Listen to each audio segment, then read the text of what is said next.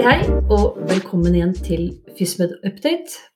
Som tidligere er dette en podkast innenfor fysikalsk medisin og rehabilitering, men eh, forhåpentligvis interessant for alle innenfor muskel- og skjelettfeltet. Og episoden i dag fortsetter i skuldergata, og litt mer praktisk rettet med tanke på injeksjoner i skulder. Og det er jo noe som vi har snakket litt om under de forskjellige diagnosekapitlene. Og eksperten i dag er som tidligere Nils Gunnar Juel. Og du fortsetter jo å være overlege på Ullevål, og underviser og ph.d. og ytterst erfaren innenfor tema skulder. Ja, vi har eh, halvparten av pasienter på poliklinikken vår omtrent kommer med skulderplager, så det, det blir ganske mange i løpet av året. Ja, og injeksjoner er jo en sånn ting som er litt mer praktiske rutiner enn bare å slå opp i en bok, syns i hvert fall jeg som ny, ny LIS. Og litt sånn typisk sånn Jeg bare setter en injeksjon. Og så mm. er det litt, uh, syns jeg, uklart både på hvem og på hva. Så jeg syns i hvert fall at denne episoden i dag er spennende. Mm. Ja, nei, folk er ute etter litt sånn quick fix, og da har man uh, til dels stor tro på injeksjoner, vet du. ja. Men eh, hvis vi starter med litt eh, hva, slags, hva, slags, injeksjoner har vi å velge i? Mm. Ja, sånn tradisjonelt har vi tre typer injeksjoner, vil jeg si, sånn grovt sett. Eh, det ene er diagnostiske blokader, hvor man blokkerer noe og ser på resultatet.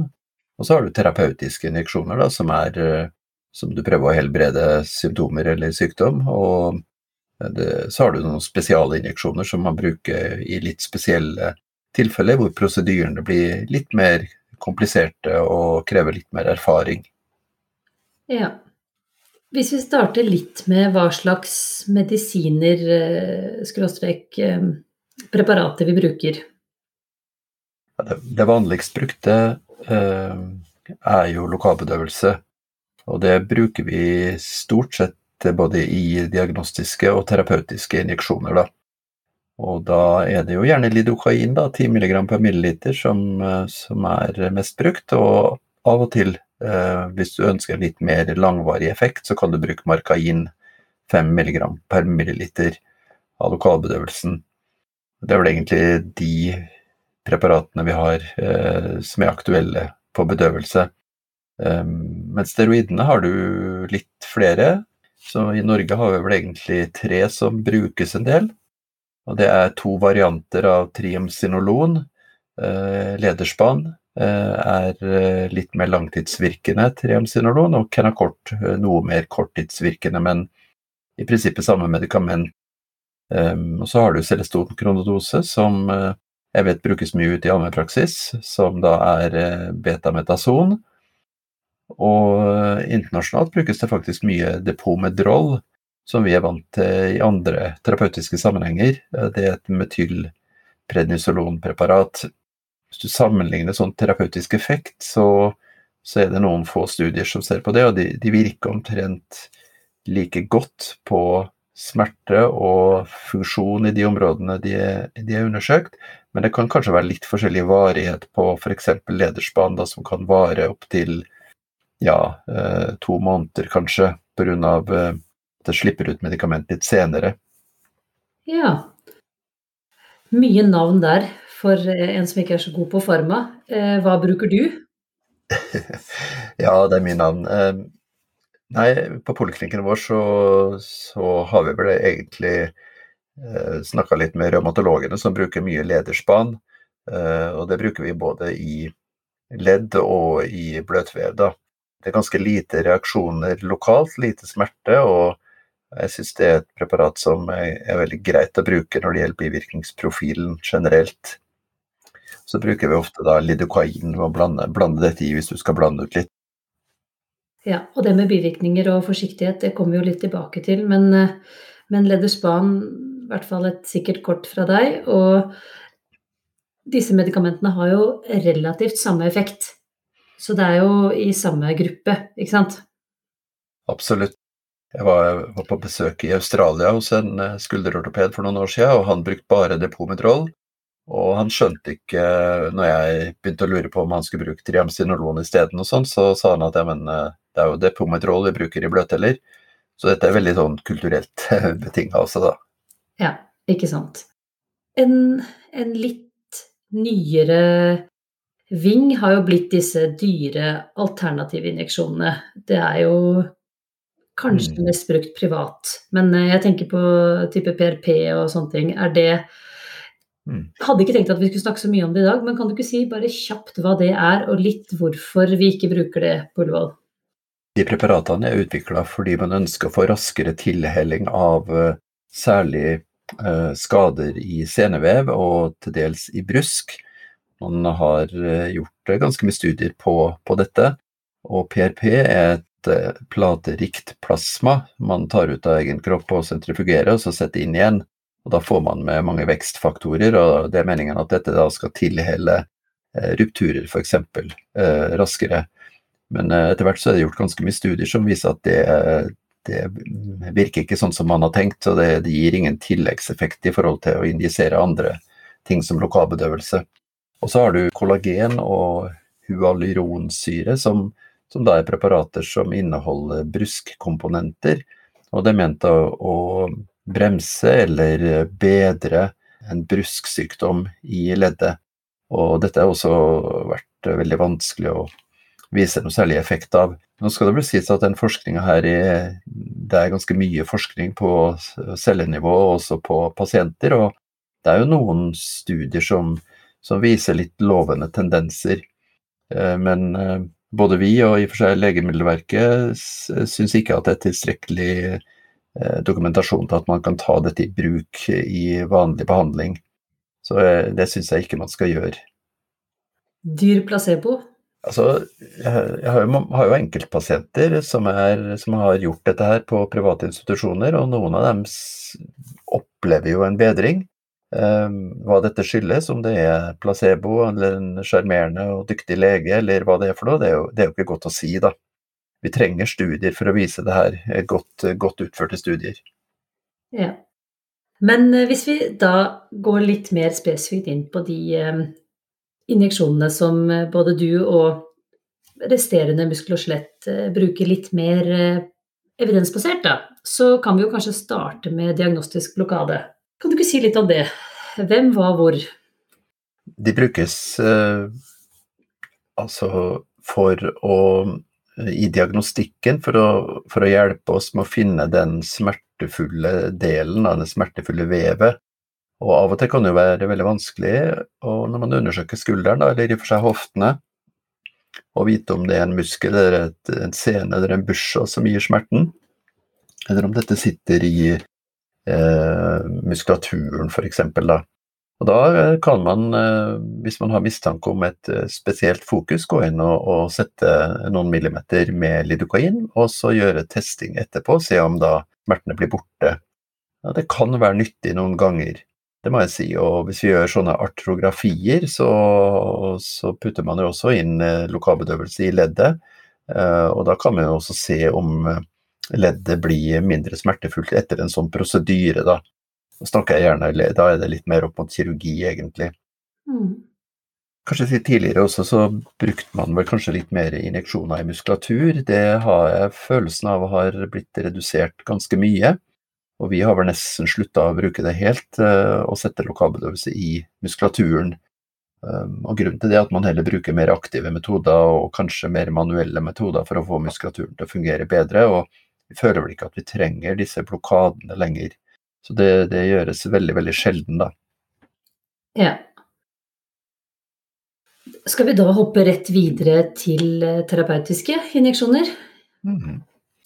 Ja, for det, det, er jo, det er jo noe som brukes ganske mye. Og grunnen til det er jo at de ofte gir eh, betydelig reduksjon i smerte for pasienten, og bedre funksjon i skulderregionen, eller, eller den regionen du injiserer i. Så, så, vi bruker jo det når pasienter har problemer med å sove om natta f.eks., og vanlige smertestillende ikke hjelper, eller de ikke klarer å utføre eh, sine øvelser for å bedre funksjonen. så bruker vi terapeutiske indikasjoner med steroider for å dempe smerte og gjøre dem, gjøre dem treningstilgjengelige. Ikke sant. Og da kan vi jo nå, som vi begynner å bli proffe, kan vi jo vise til våre tidligere episoder. Men dette er jo aktuelt både på en frozen shoulder, på subakromielle tilstander og um, ganske mye brukt, syns jeg, som litt ny lege på skulderpoliklinikken. Mm.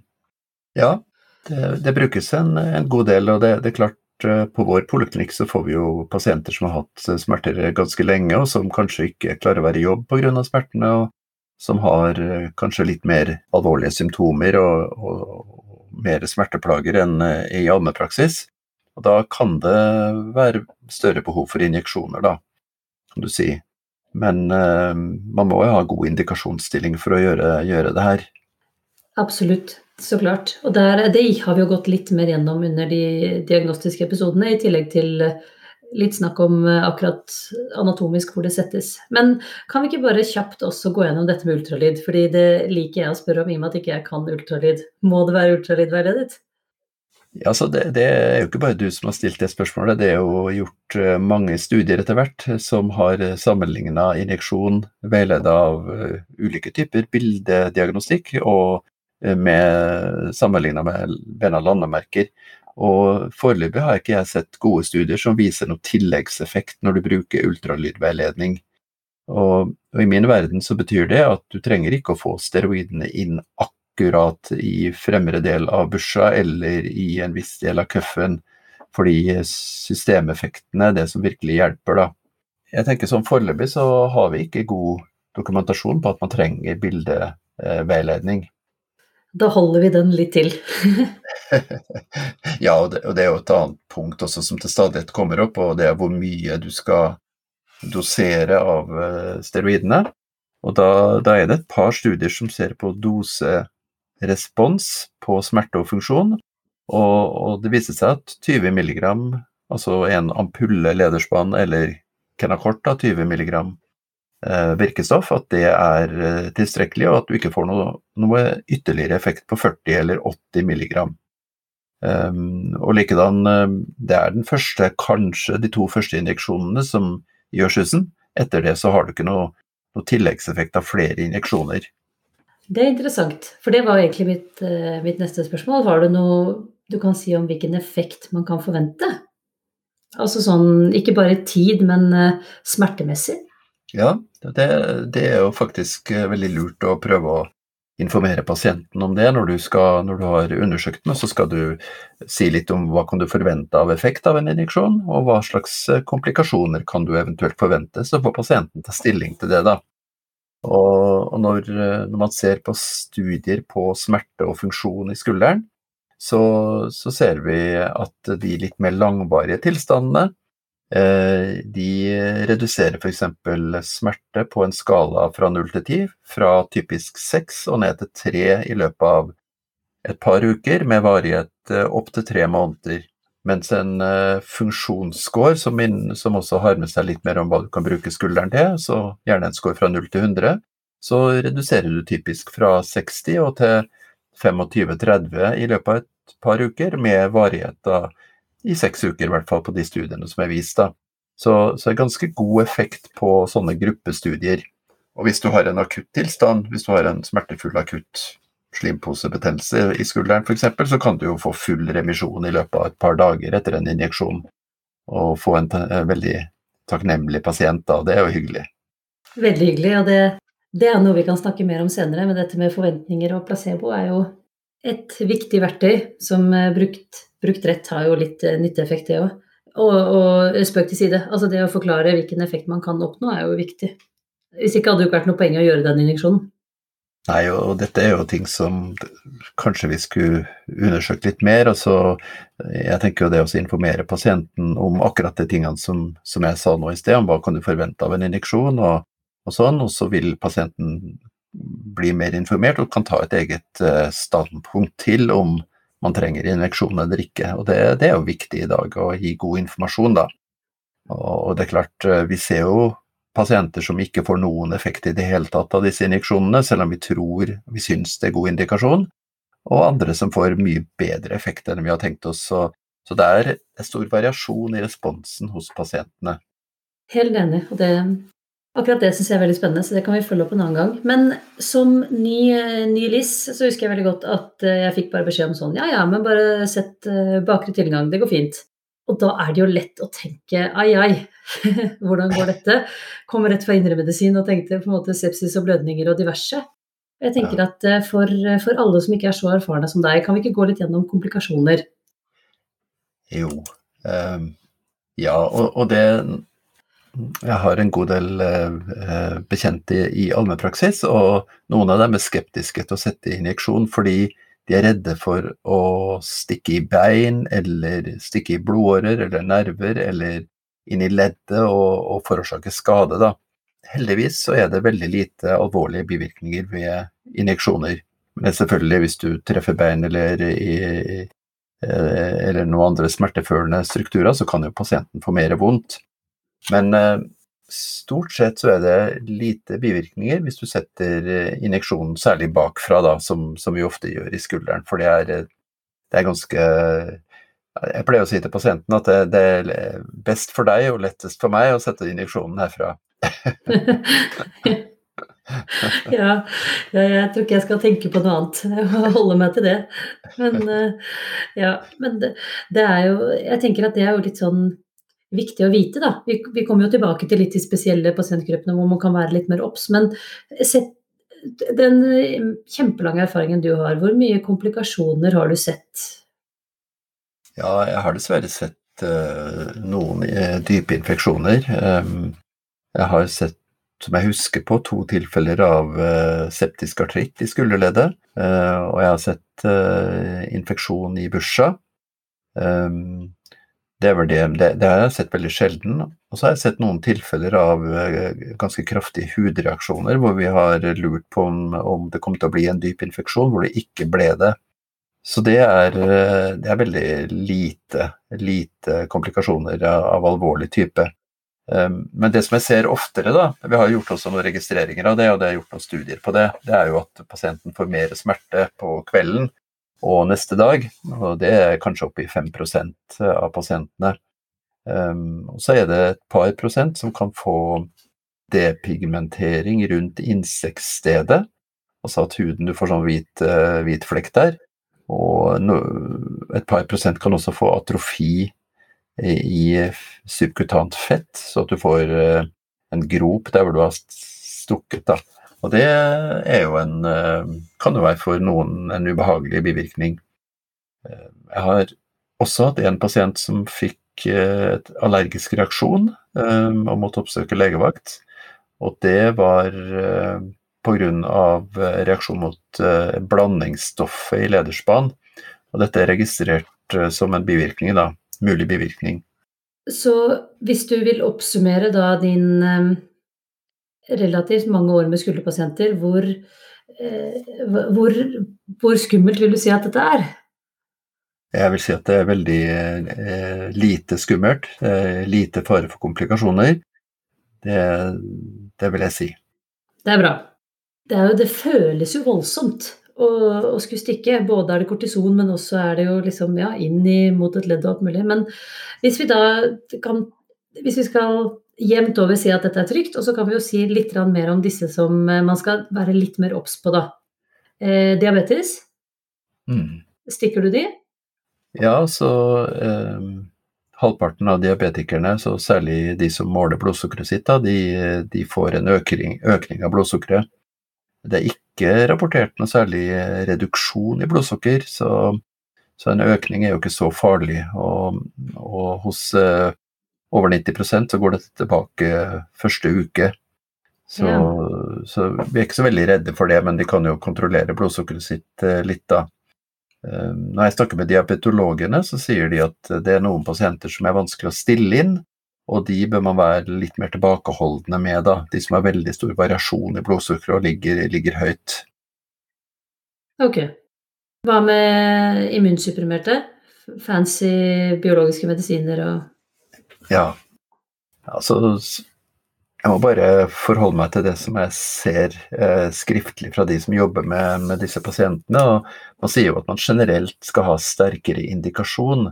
Så at man skal være tilbakeholden med å Jo sykere pasientene, jo mer immunproblemer det med pasientene, så skal man være tilbakeholden og ha streng indikasjon på injeksjoner, da.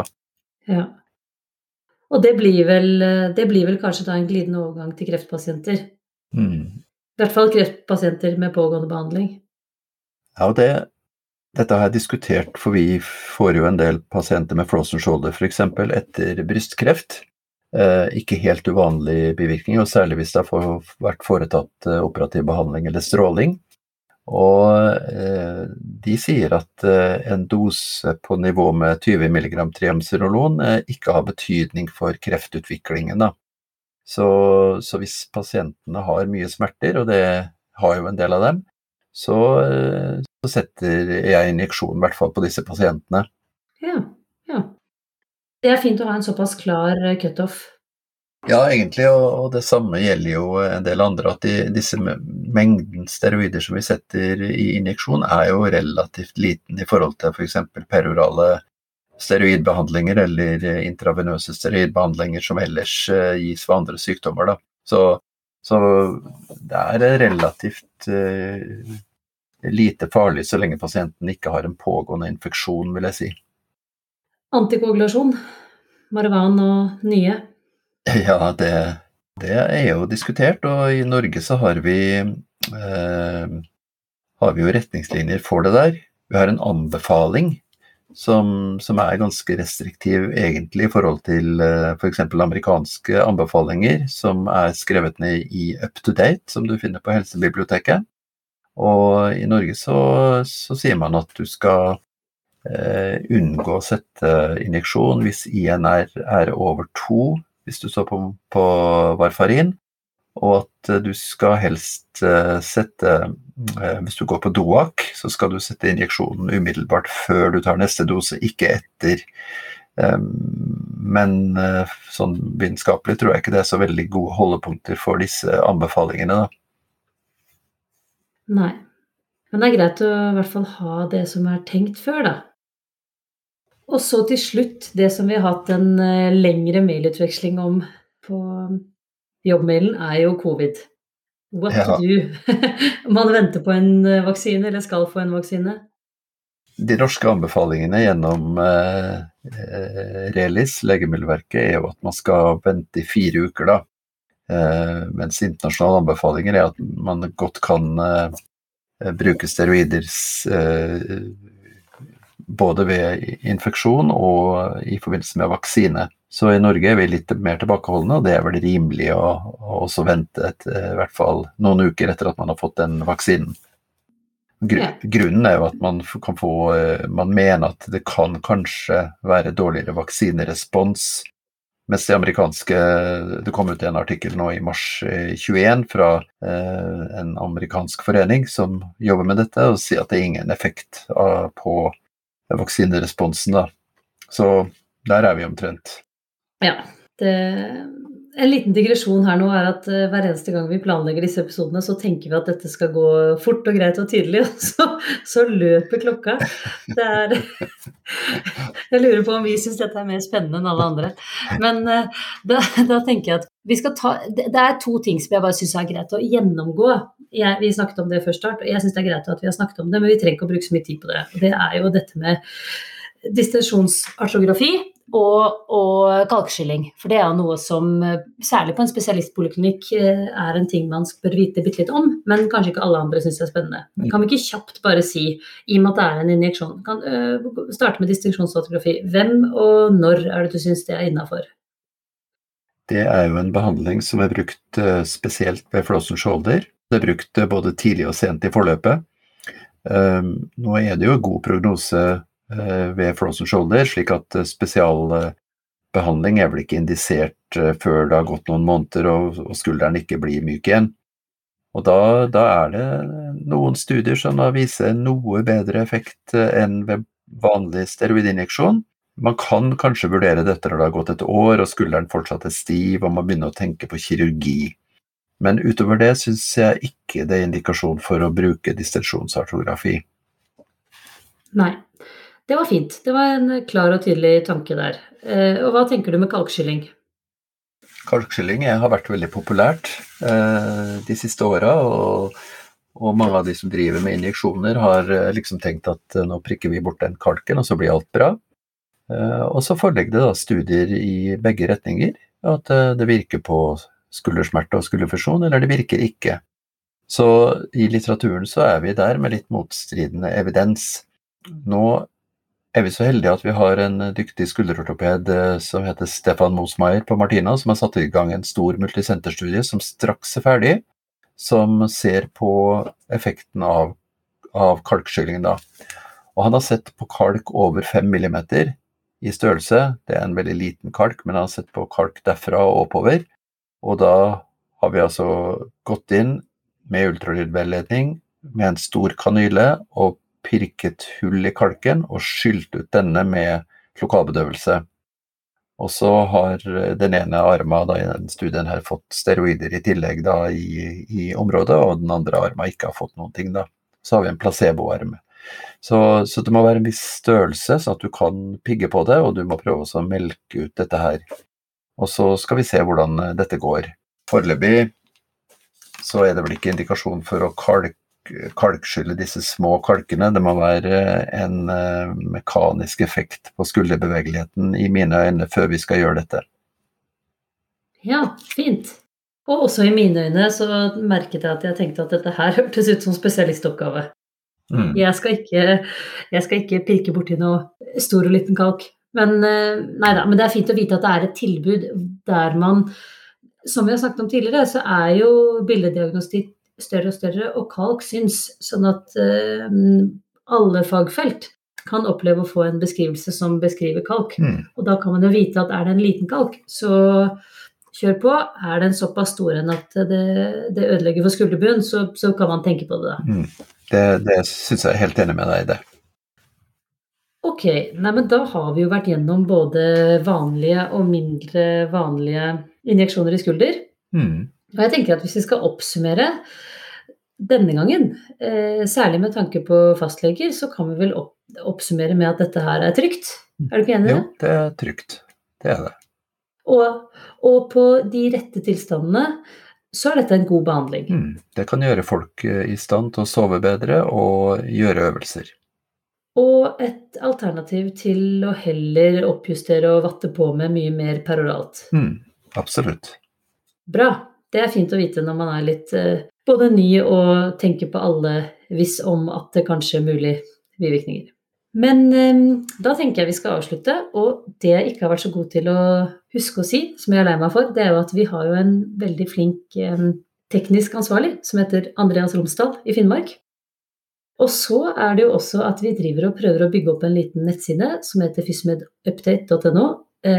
ikke så fancy enda, dette er jo et litt eh, prøveprosjekt for alle, men der prøver vi å legge ut eh, både litt aktuelle linker, og nå har jo du Nils Gunnar, lagd en veldig fin powerpoint som oppsummerer dette med injeksjoner, og vi kan jo legge ut den, kan vi ikke det? Jo, det, det er perfekt. Så kan de som eh, vil se mer på det, gå inn der. Helt enig. Og til slutt så kan vi jo si at nå har vi jo lagd et par episoder, men opplever fortsatt at dette er litt nytt. Så hvis noen har lyst til å gi oss noe tilbakemelding, så er det jo bare å gå inn på den siden, for der står det både mail og kontaktinfo. Mm. Da sier vi takk for oss. Takk, takk for i dag.